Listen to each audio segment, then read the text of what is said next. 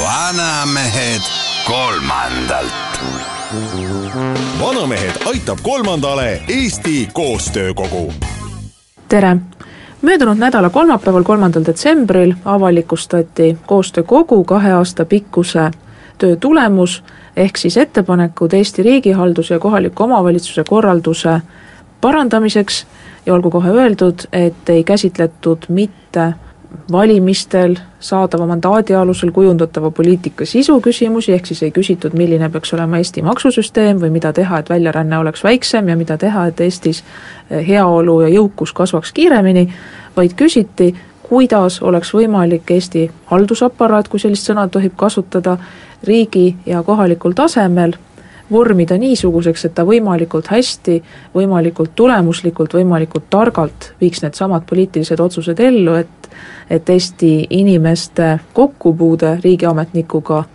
olgu siis politseinikuga või siis haiglas meditsiiniõe või arstiga või koolis õpetajaga ja paljude teistega oleks võimalikult meeldiv. Neil teemadel olen täna palunud arutama kaks väljapaistvat inimest, Külli Taro on Eesti Koostöökogu programmi juht, tere Külli! tere Ülle ja tere raadiokuulajad! ja Ott Lumi on Tallinna Ülikoolis äh, teadlane, on äh, pikaajalise kogemusega selles samas valdkonnas, aga täna palus ennast nimetada lihtsalt suhtekorraldajaks, tere Ott! tere!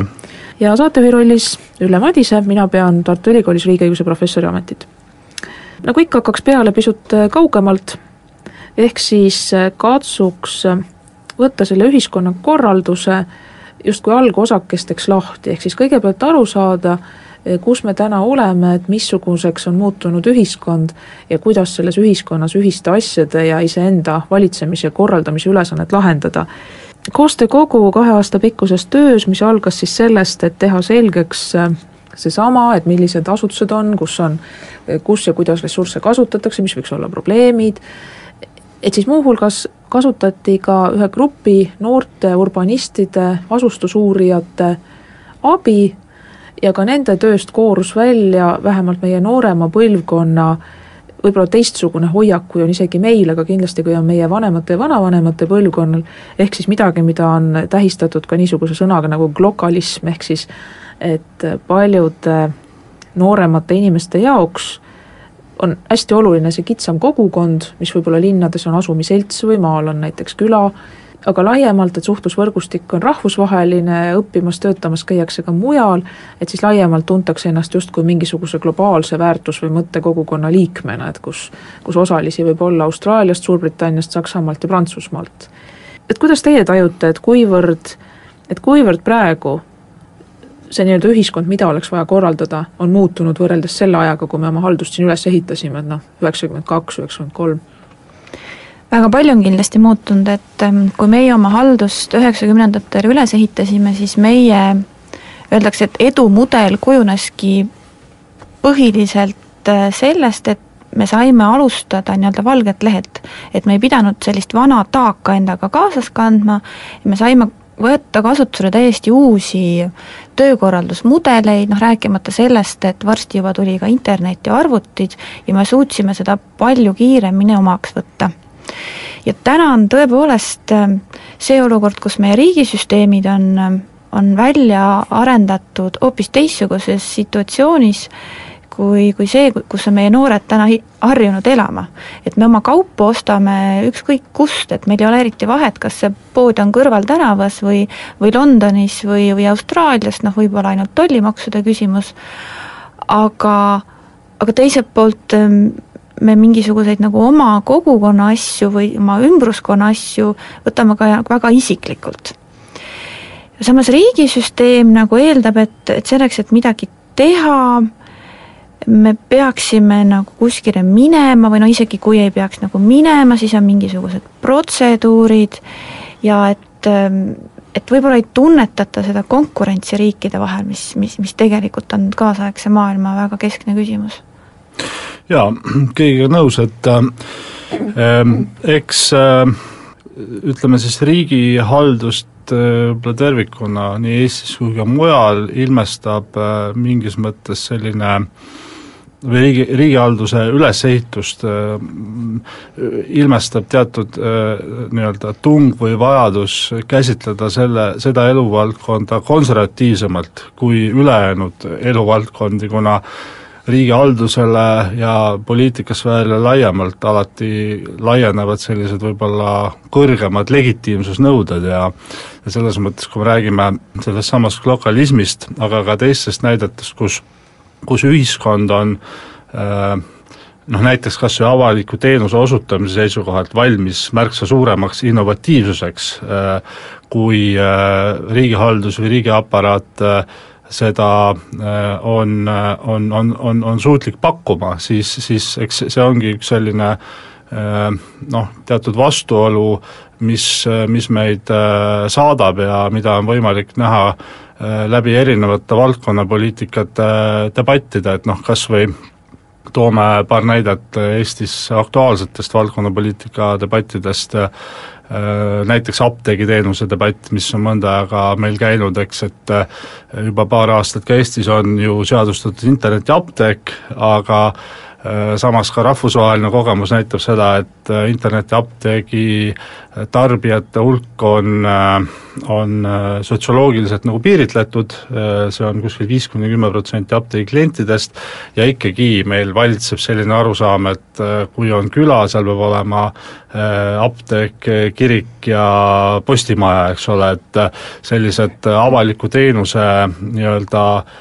kujutelmad avaliku teenuse standarditest muutuvad aeglasemalt kui, kui, kui elu ise no sinu näide on selles mõttes väga hea, et, et ma arvan, et paljude jaoks eh, apteegis käik tähendabki seda, et sa saad ühtlasi nõu küsida. et justkui natuke oleks ka nagu arsti juures käimine ja mis seal salata, et ma olen isegi kas või mingisuguse põletushaava ravimise kohta küsinud, et mis siis ikka täpselt sobib, sest arsti juurde minema ei hakka. ja teiselt poolt tead ju küll, et on olemas nõuandetelefon ja lõpuks on olemas internet ja ja perearstikeskusel noh, ma arvan, et meist paljudel on sellised perearstid, kellel ongi kõnetunnid ja kes vastavadki tegelikult äh, ka interneti teel sinu küsimustele, aga see justkui pole ikka see. et pigem näitad äh, selle põletushaava ette või kirjeldad seda köha ja siis apteeker tähtsalt kittel seljas selgitab sulle, et pole midagi, küll üle läheb. Ja samasse kategooriasse langeb kas või seesama taksoteenus, et siin hiljuti oli ühe vahva taksojuhiga juttu, kes oli tellitud äh, Taxify abiga. Ja tema ütles, et jah, et kaheksakümmend protsenti tuleb täna internetist tellimusi, et inimesed vaatavad, kus see takso täpselt on, kuidas ta liigub, et nüüd on kolmesaja meetri peal, meetri kaugusel ja kohe jõuab siia, aga siis see kakskümmend protsenti inimestest jällegi tahaks, et keegi dispetšer kinnitab, et takso tuleb, on tellimuse kätte saanud, et ta tõesti tuleb. ja ilmselt sellega peab riigisüsteemide korraldamisel arvestama ja siit edasi mõtlesin just, et, et kas pole, et needsamad nooremate inimeste kogukonnad, kes ennast teostavad ja teevad väga häid asju kas või nendes asumiseltsides, et et mulle kohati tundub, et nad vahel kujutlevad, et riiki saab juhtida samamoodi nagu seda oma kitsamat kogukonda, et ehk siis nii-öelda otsedemokraatia, vahetult käsi küljes, vahetu vastutus, tunnen kõiki ja siis võib-olla paljud imestavad, et miks see riigi tasandil nii ei ole, aga kas nii saaks või peaks äkki? ma tuleks korra selle sinu suurepärase Taxify näite juurde tagasi, et et sarnase süsteem tegelikult töötaks ka päris hästi sotsiaalvaldkonnas ja sotsiaaltranspordi valdkonnas, et teatavasti meil on kohalikel omavalitsustel ja kohut-, kohustus oma, oma elanike eest hoolitseda, eelkõige nende eest, kes, kes ise võib-olla selle hoolitsemisega hakka ei saa, hakkama ei saa. ja tegelikult sarnane Taxify süsteem võiks väga hästi lahendada sotsiaaltranspordi küsimusi liikumispuuetega inimestele, kohati võib-olla isegi koolitranspordi küsimust, kohati võib-olla isegi eh, vanainimesi arsti juurde viia linna, et kohalik omavalitsus ei pea omama selleks bussi kui tal võib-olla neid sõite tuleb harva ette, noh, okei okay,, kui on, kui tegemist on koolitranspordiga, mis, mis on regulaarne tegevus, siis küll, aga aga selliseid harva ette tulevaid sõite, erakorralisi sõite, tal ei pea selleks endal olema buss. Ja, ja, ja sama, samas siit edasi transpordi juurde minnes, et et nooremad põlvkonnad juba väga hästi harjuvad selle mõttega, et ma ei pea omama autot mis on kõik see elektriautode laenutuspunktide süsteemi teema, võib-olla tulevikus ka isejuhitavate auto, autode süsteemi teema, aga see on, see on hästi palju kinni selles mõttemaailma muutuses. aga selles mõttemaailma muutuses peab keegi kaasa aitama, ehk tegelikult nii arsti juurde sõidutamiseks kui, kui apteegist rohu tellimiseks peab mingi inimene seal kohapeal ikkagi olema, kes siis aitab neid, kes, kes ei ole harjunud veel selle uutmoodi mõtlemisega jaa, täitsa nõus, et äh, see taksoteenuse näide on väga huvitav näide, äh, maailmas ju tuntud praegu pole-, poleemika kogu nii-öelda Uberi teenuse üle ja suured Euroopa Liidu riigid nagu Saksamaa, Prantsusmaa, Hispaania, kes äh, riigi, riigi tipp-poliitiku tasandil, tasemel on väga tugeva lobi surve all seda nii-öelda innovaatilist teenust kuidagi äh, reguleerima ja, ja rahmesse panema, eks ole. räägi nüüd ruttu lahti ka, mida silmas pead? pean silmas seda, et äh, siis äh, ka minu teada lausa Hispaania ja Prantsusmaa siis nii-öelda majandusministrid on käinud välja Euroopa Komisjoni suunas lausa ettepanekuid, et et selline teenus nagu mobiiltelefoni pealt takso tellimine eh, ei ole eh, legaalne, ei saa toimida, taust on loomulikult siis selles, et see eh, automaatselt võib üle Euroopa töötuks jätta lühikese aja jooksul kümneid tuhandeid taksojuhte, sarnased teenused juba äh, siirduvad ka pikamaatransporti ja on kuulda hääli, et seesama Uberi lahendus ka sinna läheb, mis võib tähendada üle-euroopaliselt miljonite äh, pikamaavedude autojuhtide töötuks jäämist äh, või vähemalt ümberõpet lähematel aastatel, nii et me näeme seda, kus kuidas tegelikult innovatsioon tekitab poliitikale väljakutseid ja tekitab omakorda poliitikas siis vastusurveid mitte nende trendidega kaasa minna, eks ole. Aga ma küsin siit kohe vastu, et, et noh näiteks kui, kui kunagi oli meil äh, tänavavalgustus oli organiseeritud laternatega, mis tuli igal õhtul süüdata kellegi poolt ja siis, kui tuli elekter ja elektriga tänavavalgustus, jäi kindlasti väga palju inimesi tööta, et kas see tähendaks, et et siis oleks pidanud ära keelama elektriga tänavavalgustus, et mit-, et kindlasti mitte, aga siin tuleb jälle see riigi käsi mängu, et kuidas anda mingisugust sotsiaalset kindlustunnet nendele inimestele, kelle töökohad kaovad, mitte et peaks takistama nende töökohtade kadumist iseenesest.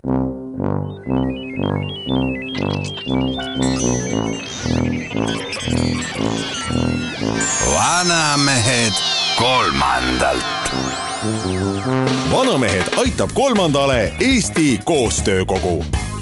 jätkame saadet, räägime täna riigipidamise kavast, ehk siis nendest reformi ettepanekutest, mille avalikustas Eesti Koostöö Kogu pärast kaheaastast tööd, mille käigus omakorda tehti täpselt selgeks, millises seisus Eesti riigi haldamine praegusel hetkel on, milles on probleemid, milles võiksid olla lahendused saates oleme kolmekesi, Külli Taro, Ott Lumi ja Ülle Madise. ja esimeses saate kolmandikus jäime pidama ühiskonda muutnud innovatsioonitrendide juurde ja selge on, et, et jälle on tulemas uus ümberõppimise laine, uus tehnoloogiline hüpe, kui sellist sõna võib kasutada, aga üks osa tegelikkusest, mida me ei puudutanud, on selles, et kõikjal, mitte ainult Eestis, vaid ka näiteks Saksamaal ja Prantsusmaal, koonduvad inimesed suurematesse linnadesse, nooremad inimesed kipuvad palju rändama, küll töötamise ja õppimise pärast, sageli ka seoses pere loomisega, võib-olla mitte sama riigi elanikust inimesega, et ehk siis äh, tekib ohtralt ääremaid. et kuidas teile tundub, et kas, kas praegu, kui me nüüd äh, valmistame ette ettepanekuid, et kuidasmoodi Eesti riigisüsteem võiks meie inimesi kõige paremal viisil teenindada, et kas me siis ikkagi peaksime lähtuma lootusest, et meil õnnestub hoida inimesi maal kinni või on ikkagi noh, mingis mõttes mõistlik möönda, et, et see on trend, mida me hetkel pöörata ei suuda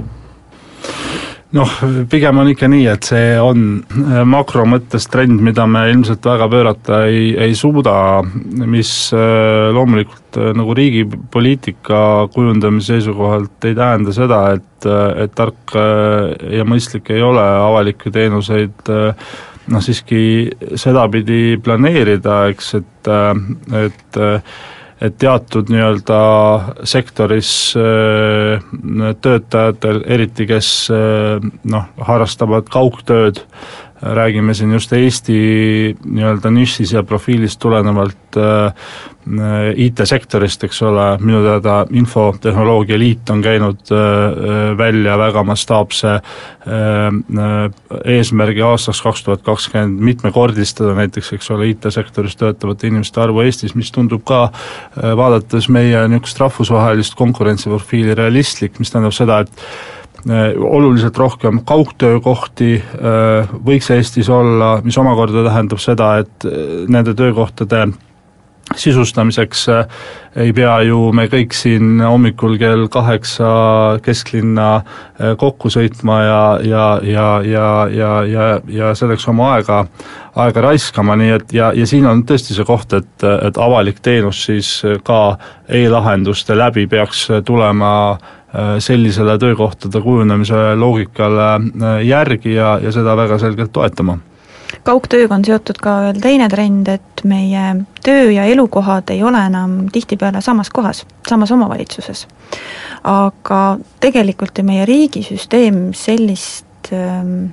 võimalust väga ei arvesta, meil ei ole võimalik äh, ennast kahes kohas elanikuks registreerida, meil on võimalik ainult otsustada, et ma, et minu tulumaks läheb siis kas minu töökoha omavalitsusse või minu elukoha omavalitsusse või siis hoopis minu suvekodu omavalitsusse, mis tegelikult on ju ebaõiglane. sest ma tarbin neid noh, teenuseid või noh, ütleme siis peamiselt seda infrastruktuuri kõikides nendes omavalitsustes. ja ma, mul oleks võimalik ju ka selle eest maksta, aga täna, täna me sellist võimalust ei ole ette näinud et jällegi ka siin saates on jutuks olnud, et on tehnoloogiline lahendus niisuguse olukorra õiglaseks korraldamiseks täitsa olemas, et ehk siis äh, nutitelefonid on kõikidel, ka lastel juba alates teatud east on, on tegelikult taskus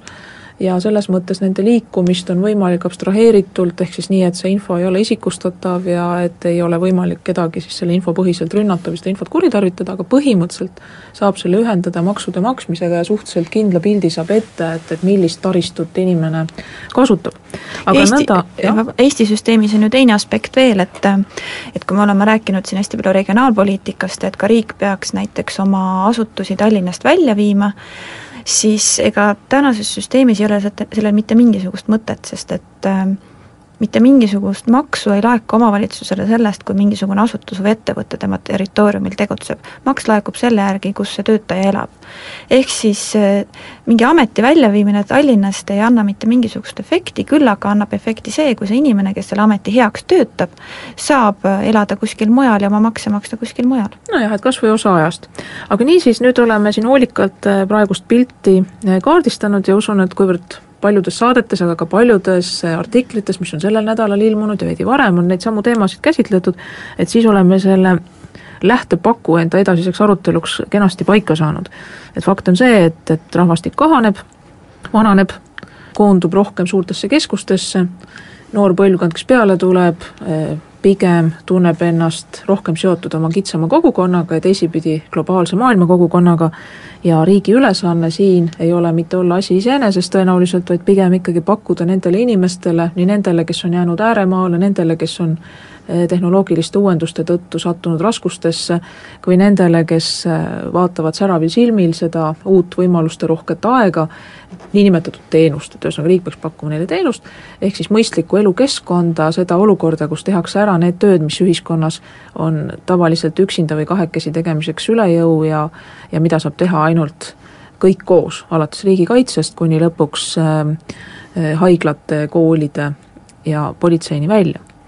Tõnu Viik oma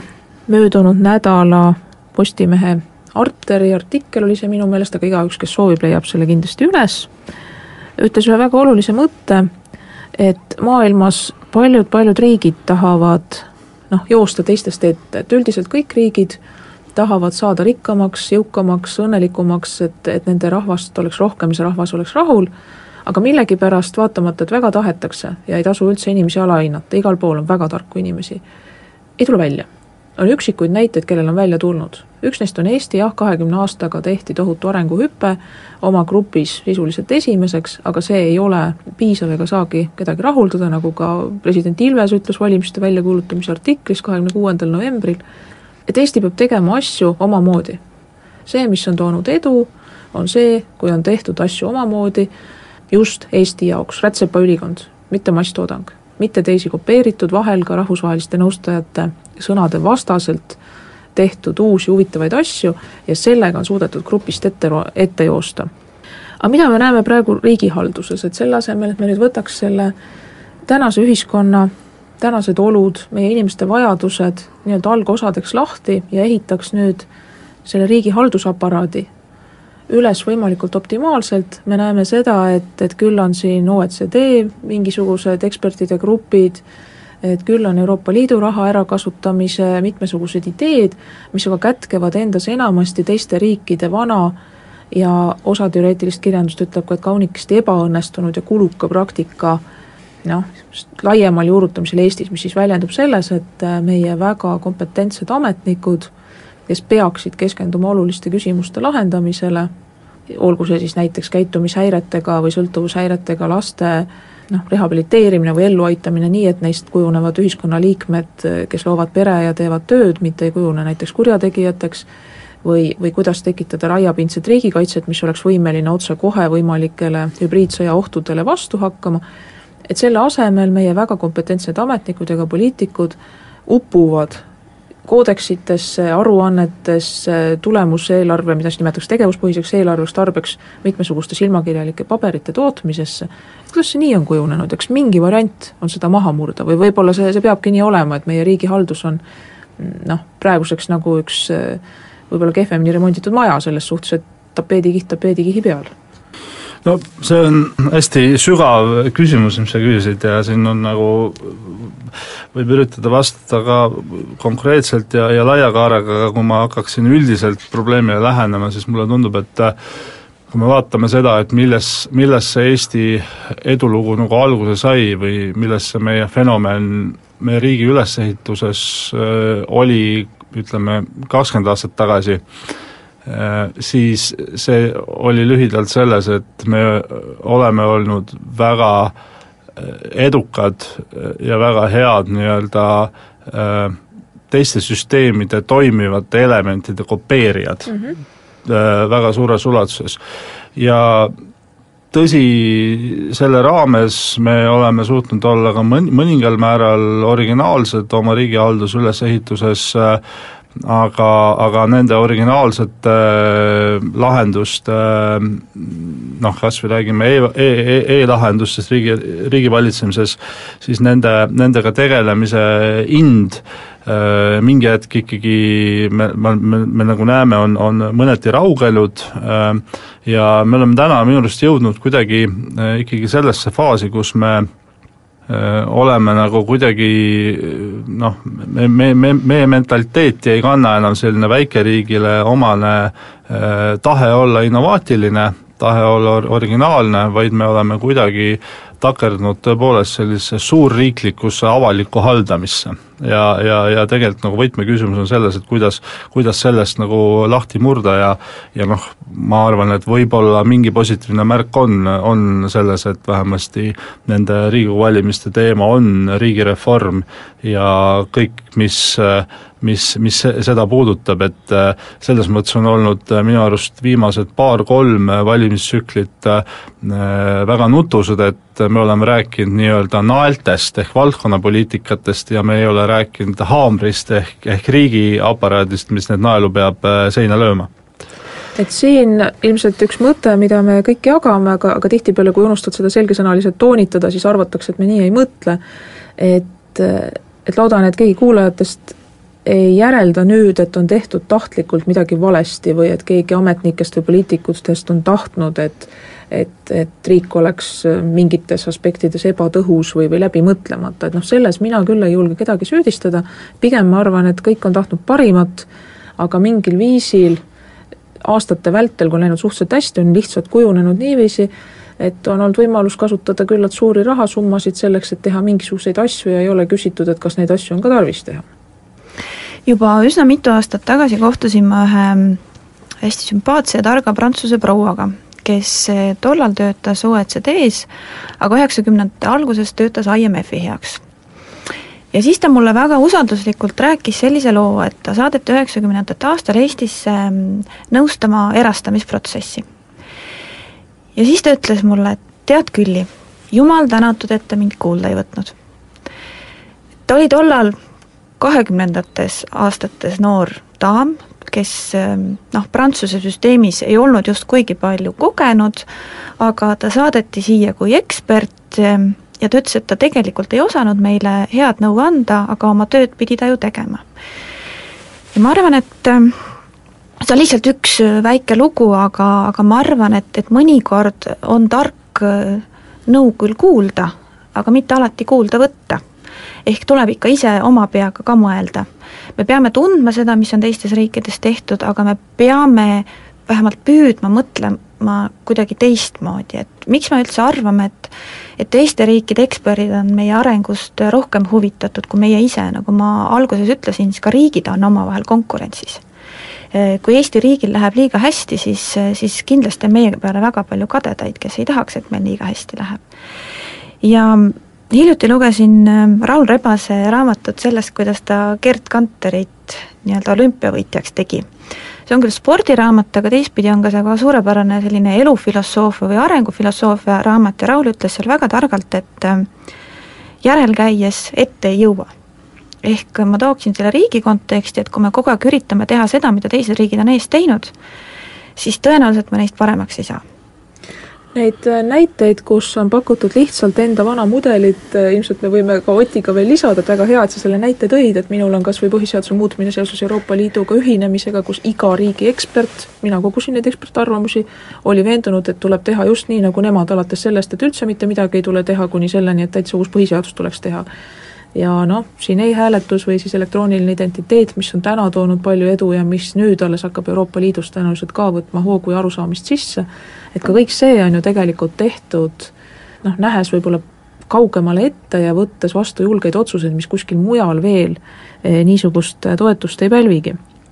sina, Ülle, oskad kindlasti öelda, mida väliseksperdid arvasid, kui me oma e-valimiste süsteemi üles ehitasime? no loomulikult äh, arvasid suhteliselt halvasti, aga seal on need poliitilised äh,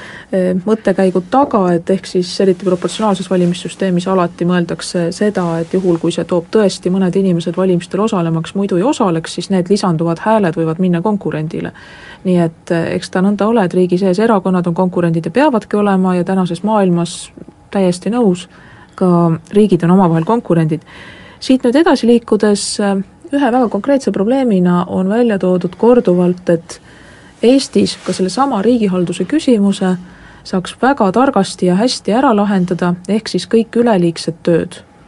tööplaanidest maha tõmmata, lõpetada riigieelarve jagamine sellel printsiibil, et tuleb välja mõelda uus arendus, et ehk siis asutustel ei ole kasulik oma seniseid töid ja tegemisi kriitiliselt ja ausalt läbi vaadata ja möönda, et jah, me hakkame nüüd tegelema uue asjaga, aga et samas me noh, ilmselt nende ja nende asjadega enam tegelema ei pea, vähemalt mitte selles vormis, et noh, kõik asutused tahaksid raha juurde, sest kui sa seda ei tee, siis tõenäoliselt hiljem vaadatakse, et sul seda raha pole vajagi ja sul pigem eelarve kahaneb, et niisugune elu, elu paradoks. ja siis on arvatud, et sellest saaks lahti päris hõlpsasti, kui meil oleks üks tugev peaminister vaata et justkui valgustatud äh, diktaator, kes oskab täpselt öelda, et mitu ametnikku on tarvis äh, Rahandusministeeriumisse äh,, mitu politseinikku on vaja, mitu meest on vaja idapiirile äh,, kuhu tuleb Kunstiakadeemia ja mis raha eest ja nii edasi. et kuidas teie olete mõelnud ja tajunud nüüd neid tugeva peaministri mõttekäike kuuldes? Et kas see võiks siin olla mingisugune lahendus? et peaminister on see, kes veab eest ka riigireformi ei no mina võin üsna lühidalt öelda, et ma arvan, et see on, see on nagu rumal mõte, et äh, me võime, võime filosofeerida minu arust Eesti poliitikas ja halduses mingi küm-, kümne-viieteist aasta tagusesse aega, kus äh, kus need sellised tugevad koordinatsiooniprobleemid ministeeriumite lõikes äh, tekkisid ja ennekõike võib-olla Euroopa Liidu liitumisega aega see nagu poleemika tekkimine jäi, aga, aga, aga, aga tänases olukorras, kus noh, kogu, kogu nii-öelda innovaatiline riigihalduse alane mõtlemine ikkagi äh, pigem suundub sellise noh, ütleme, võrgustikupõhise valitsemise poole äh, ja, ja koostöömudelite arendamise poole äh,, ja eriti sellises väikeriigi tingimustes ma arvan, et ähm, sellise tugeva peaministri mudel meile ei sobi. Ja sisuliselt ei sobi, ma ei räägi sellest ohust, mis on ka teoreetiliselt olemas, et peaministritooli haa-, haarab mõni noh, nii-öelda poliitiline hull, aga ma räägin täiesti sisuliselt, ma arvan, et see ei ole Eestile sobiv mudel.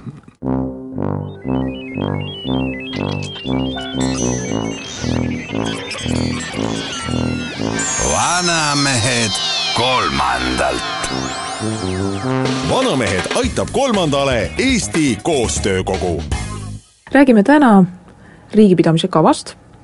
Külli Taro, Ott Lumi ja Ülle Madise ja enne reklaamipausi jäime arutlema selle üle, kas riigireformi, aga miks mitte ka eh, siis mitmed teised küsimused võiks paremini, targemini ja rutem lahendada, kui meil oleks üks hea valgustatud diktaator. ja Ott juba ütles välja, et tema hinnangul mitte ja ja nüüd napsates sõnajärje külje eest, kes ka kohe sõna saab, siis äh, omalt poolt märgiks seda, et kui on proportsionaalne valimissüsteem, mille mõte on selles, et äh, ühiskonnas on erinevate tõekspidamistega inimeste küllaltki suured grupid, et ühed leiavad, et tuleb näiteks ulatuslikumalt ümber jagada maksudega kogutud tulu, ehk siis luua korralik sotsiaalne turvavõrk, teised leiavad, et kõige olulisem on tegelikult keskkonnakaitse ja võib-olla inimeste hoopiski usaldamine, võib-olla roheline maailmavaade, siis on need inimesed, kelle jaoks on kõige olulisem, on, on rahvuskonservatiivsus, siis on need inimesed, kes on, on liberaalid siin majandusküsimustes ja isikute õiguste küsimustes. Ja ühes normaalses riigis noh, nende vaadete esindamiseks ongi olemas erakonnad, on võimalik nende vahel valida. Ja ja kui nüüd niisuguste valimiste tulemusel sünnib valitsus, mis on koalitsioonivalitsus, siis äh, lihtsalt praktikas ja ka riigiõiguse teoorias väga täpselt ei kujuta ette, kuidas oleks võimalik, et, et üks kahest või kolmest koalitsioonipartnerist omandab võimu tegelikult teistele öelda, mida nad peavad tegema. et ma kardan, et see tegelikult produtseeriks hoopiski suuremat, suuremat ebastabiilsust ja üks mõte veel, et alati sedalaadi skeemide loomisel, kus on tasakaalumehhanisme vähendatud, tuleb silmas pidada kuritarvitamise võimalusi, nagu Ott ka viitas et tihtipeale, nii nagu apteegirohuga, eks ta ka olegi ju nõnda, et tal on oma head omadused, aga kahetsusväärselt alati ka kõrvalmõjud, aga Külli? jah, selle demokraatia aspekti te rääkisite juba väga hästi lahti, aga, aga siin on veel üks aspekt, et ähm, kõik on ju lõppkokkuvõttes kinni isikutes ja inimestes. Et kui tahe on ja oskused on, küll siis ikka enamasti tehtud saab ja mul on küll tunne, et kohati nagu kiputakse süüdistama süsteemi, kui, kui tegelikult pigem on küsimus lihtsalt selles, et ähm, et võib-olla lihtsalt ei taheta midagi teha. vahel ei osata, ei julgeta. ja siis on alati öelda, et süsteem ei lase. Või et seadus on vale, ma võin öelda oma, oma kapsast, et enamasti öeldakse, et kui saaks uue seaduse, küll siis hakkaks elu käima. et seadus valvab piiri, nagu me teame, olgu irooniliselt öeldud. jah, ja, ja, ja teisest aspektist veel, et ähm, Ott juba rääkis siin nendest tänapäevastest võrgustikepõhistest ähm, koostöömudelitest, siis ähm, võrgustikud võrgustikeks, aga nende võrgustike puhul on väga selge valdkondlik vastutus. Ja, ja juhul, kui me hakkaksime peaministrina panema vastutust absoluutselt kõiges, et, et ta peakski vastutama nii haridussüsteemi arendamise, keskkonnahoiu kui ka ettevõtluse arendamise eest, siis seda on ikka natuke palju. kui me ei taha hakata tekitama uut peaministeeriumit, mis peaks olema vähemalt sama suur kui kõik teised ministeeriumid kokku no üldiselt kipub olema tööjaotus tulemusliku tegutsemise alus, et olgu see perekond, korteriühistu või riik, et ega midagi parata ilmselt ei ole. Aeg hakkab otsa saama, aga samal ajal päris mitu teemat on veel rääkimata, aga võib-olla tõukudes nüüd meie viimasest mõttevahetusest, et millised on ohud, kui me täna seda niisugusele Max Weberlikule küllaltki hierarhilisele ja korrastatud ja juhitud ja kontrollitud ja ühtlustatud ja ja, ja niisugusele haldamise mudelile katsuks leida alternatiivi, mis seisneks selles, et me ei ürita iga hinna eest erinevaid inimesi muuta ühesugusteks, ühe süsteemi mutrikesteks, panna neid aru andma, luua kellelegi kõige kontrollimise illusiooni, vaid pigem katsukski kokku leppida mingid ühised väärtused, ühised eesmärgid ja siis usaldada inimesi, et leida, leida igale tööle võimalikult parima inimese, luua piisavad kontrolli ja, ja tasakaalumehhanismid ja siis jõudu tööle. Et selles mõttes, et, et igaüks peabki tegema hästi oma põhitööd, et kõik sedalaadi lahendused, et palk jookseb tööl käimise eest ja töö tegemise eest makstakse tulemustasu, kui oled kõik paberid korralikult ära täitnud. et, et kõikidest nendest loobuda. et ehk siis inimesi usaldada, et mitte üritada iga hinna eest teha mingisugust ühtset, riigi ühtset personalistrateegiat või mingit keskset värbamist või kõigepealt ma ütlen, et ähm, selle täna välja kujunenud äh, riigihalduse mudelil ei ole Max Weberi ideaalmudeliga just kuigi palju pistmist. seda küll. aga, aga tõepoolest, kas või mõtteharjutusena me oma kavas ka räägime hästi palju sellest, et ähm, puhtalt selleks, et hoida nii-öelda tänast ähm, taset äh, numbris, mis puudutab äh, valitsussektori töötajate hulk tööealise elanikkonna kohta, siis puhtalt selle tasakaalu hoidmiseks me peaksime valitsussektoris aastas umbes tuhat töötajat vähendama, siis nii riigi kui kohalike omavalitsuste peale kokku. loomulikult see ei ole realistlik, ilma et et meil mingisugused riigi põhiteenused kannataks, aga puhtalt mõttemudelina, et kuidas me saaks korraldada oma asju nii, et meil läheks tööjõudu valitsussektoris vaja vähem. sest probleem on ju selles, et meil ei jagu raha, et neile väärilist palka maksta. siis selleks, et on vaja tööjõudu vähem, on järelikult vaja mingit tööd teha vähem ja, ja mõistlik ei olekski keskenduda ainult sellele, mis, mis tõepoolest muudab iga inimese elu eh, kuidagimoodi paremaks, aitab ettevõtjal Eestis kuidagimoodi asju paremini teha, no mis siis, et meil need seadused võib-olla alati kõige eh, täiuslikumad ei ole, et eh, eks kohtupraktikaga aitab mõningaid lünkasid täita ja no mis siis, et võib-olla mingisugused protseduurid on puudu või mis siis, et mingid asutused teevad asju natukene erinevalt. et, et peaasi, et nagu inimese jaoks nagu asjad toimiksid et sa viitasid ka ühele päris olulisele asjale, et ka ressursikasutuse analüüs ja mitmed teised alusuuringud siinsamas koostöökogu projektis näitavad seda, et neid inimesi, kes üha vähemaks jäävate küllalt madalapalgaliste noh, eesliinitöötajate, politseinike, õpetajate tegemisi kontrollivad, juhivad ja kavandavad, et neid justkui tuleb muudkui juurde. ja tihtipeale iga sellise arendustöötaja palk on kolm korda kõrgem kui sellel samal näiteks kurjategijaga tänaval silmitsi seisval politseinikul. et vähe sellest, et see tekitab ebaõiglustunnet, see ei pruugi olla ka mõistlik, nii et ma loodan, et sellest meie jutust siin praegu ei järelda jällegi niigi kärbitud see nii-öelda eesliin, et no nii, et veel järgmine kärpekirves, Kott jaa, see on kindlasti nagu sisuline väljakutse, et äh, kui ma vaatan korra seda te-, sama temaatikat nagu praktilise mätta otsast, et esindades äh, mitmeid huvirühmi suhtluses avaliku võimuga, siis ma ütleks nii, et äh, kui me võtame konkreetse teemaliini, olgu see tervishoius või noh, ma ei tea, mis iganes teemavaldkonnas, siis on ju niimoodi, et meie ministeeriumid või riigiasutused valdavalt on ikkagi ju nii äh, äh, vähe mehitatud, et me kohtame ju seda, et ühes konkreetses teemas on äh, ministeeriumeid pidi no üks või maksimaalselt kaks äh, inimest, kes on äh, ütleme, Euroopa Liidu õiguse mõttes äh, äh selle valdkonda, valdkonna endale selgeks teinud, kes käivad sellest valdkonnast üle ja nüüd äh, kui mööda võimuvertikaali ülalt alla neid inimesi igasuguse paberipahnaga äh, üle koormatakse, eks ole, siis kindlasti äh, me, me, me, meile kui kodanikele ja, ja noh, nii-öelda avaliku teenuse tarbijatele ja, ja nii edasi, riigivõimu noh, nii-öelda väljundi mõttes peaks see olema väga, väga murettekitav. Ja siin, ma arvan, on üks, üks sellest jätkuv nagu mõttearendus, et ma arvan, et Eesti kui sellise väikeriigi väljakutse järgmisel, ma arvan, ma ei tea, viiel-kümnel aastal on, on ikkagi tõsiselt äh, see, et kuidas, kuidas äh, äh, nagu vahetu riigivõimu välist kompetentsi mõistlikul kujul valitsemisse rohkem kaasata. ja ma ütleks niimoodi, et äh, just kui me vaatame viimast viit aastat Eesti poliitikaalast äh, diskussiooni ja haldusdiskussiooni, siis võib-olla päevakorras on rohkem äh, just nende väliste huvirühmade poolt riigivõimu legitiimsus. et kas, kas otsuseid tehakse legitiimsu-, legitiimselt, aga aga mina rõhutaks just selle kaasamise tähtsust otsuse äh, kvaliteedi vaatepunktist lähtuvalt. ma arvan, et see on tähtis et kui, kui küsitakse, et kas ja mida on tarvis muuta, et siis väga sageli, nüüd siin Oti öeldud teiste sõnadega lahti öeldes, eh, tundub, ja mõnel juhul ilmselt meist kõik oskavad siin ka faktiliselt näiteid tuua, alustatakse sellest, et ministeeriumi laua taga või siis ministeeriumi poolt tellituna mõne teise laua taga, kas mõnes advokaadibüroos või uuringukeskuses, eh, lihtsalt tudeeritakse abstraktselt Eesti seadust, üritamatagi mõista, et kuidas oleks seda võimalik praktikas rakendada või kuidas seda on rakendatud või mida sellest asjast arvavad need, kelle elu see seadus korraldab, või kes on selles asjas kohtuasju lahendanud või siis ametnikuna seda seadust läbi viinud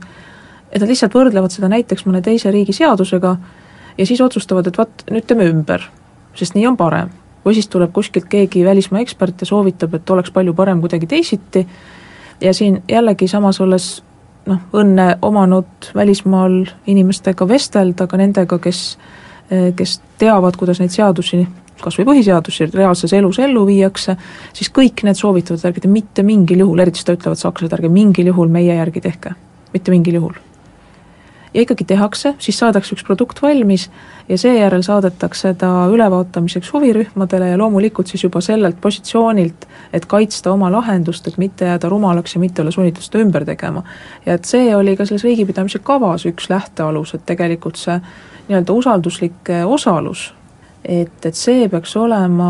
kõige esimesest punktist alates, et ehk siis ministeerium tunnebki oma poliitikavaldkonda, teda huvitabki, mida inimesed, kes selles valdkonnas toimetavad ühel või teisel pool nii-öelda rindejoont, et mida nemad sellest asjast arvavad ja mis võiks olla lahendus. ja loomulikult me ei saa siin idealiseerida inimesi sel viisil, et, et arvata, et kõik tahavad muutusi või kõik tahaks pingutada, kõik ei taha Eestis kirja pandud õigusloome ta-, hea tava ütleb küll väga selgelt, et kui me uue seaduse välja töötame, siis ähm, juba seaduseelnõu juures peavad olema ka rakendusaktide projektid. ehk mis lihtsas keeles tähendab seda, et kui me mingisuguseid üldiseid äh, reegleid paika paneme, siis me peame olema läbi mõelnud, kuidas neid konkreetselt päriselus rakendatakse. pahatihti juhtub aga nii, et me võtame seaduse A vastu, võib-olla seal on mingisuguse rakendusakti projekt juures, aga, aga tegelikult hakatakse sellele rakendamisele mõtlema alles pärast ja nii juhtubki, et tekib väga palju rak-, rakendamisprobleeme ja siis me peame hakkama tegema seadust ümber. Ja, ja siit on tulnud ka see eh, see tohutu õigusloome koormus, mis meil on, et noh, tõepoolest eh, kui me vaadata õigusloome tööplaani kõikides ministeeriumites, siis eh, aastas seal ligi kakssada õigusakti nii-öelda peaks olema vastu võetud see on, see on ebarealistlik, see ei, see ei ole nagu tegelikult teostatav kvaliteetselt ja siis juhtubki nii, et me kogu aeg parandame neid tehtud vigu. noh, väga liht-, lihtne näide kas või väga põhimõtteline mm, seadus, mis puudutab ring, riigi enda toimimist, riigieelarve seadus, mis eh, võeti vastu selle aasta veebruaris, si-, ja mis muutis muuhulgas ka kogu riigi arengukavade ja strateegilise planeerimise süsteemi, siis selle rakendusakti vastavat ei ole siiamaani veel vastu võetud, kuigi tegelikult juba uus strateegilise planeerimise eelarve protsess järgmiseks aastaks toimib ja ministeeriumid peavad veebruari alguseks juba esimesed projektid ära esitama, aga aga seda, seda rakendusmäärust, mille järgi seda teha, ei ole. ja paljudes asutuses õige mitmed inimesed, kelle palk pole sugugi mitte väike, murravad pead, et mida küll kirjutada nendesse küllalt kunstlikesse paberitesse, kuivõrd tegelikult väga sageli seesama riigi ametniku töö peaks olema niisugune, mis ei olegi väga selgelt ette planeeritud, et ehk siis ta peab kiiresti otsekohe ilmnenud probleemidele leidma parima lahenduse, viima selle avalikes huvides parimal moel ellu. selline sai meie tänane arutlus, aitäh Ott Lumi ja Külli Taro saatesse tulemast, suur aitäh kuulajatele ja riigipidamise kavaga on võimalik tutvuda Külli mis see aadress on? Eesti Koostöökogu lehel www.kogu.ee. ja lisaks on ka konverentsi asemel vändatud selle kava teemadel arvamusliidritega film. head vaatamist!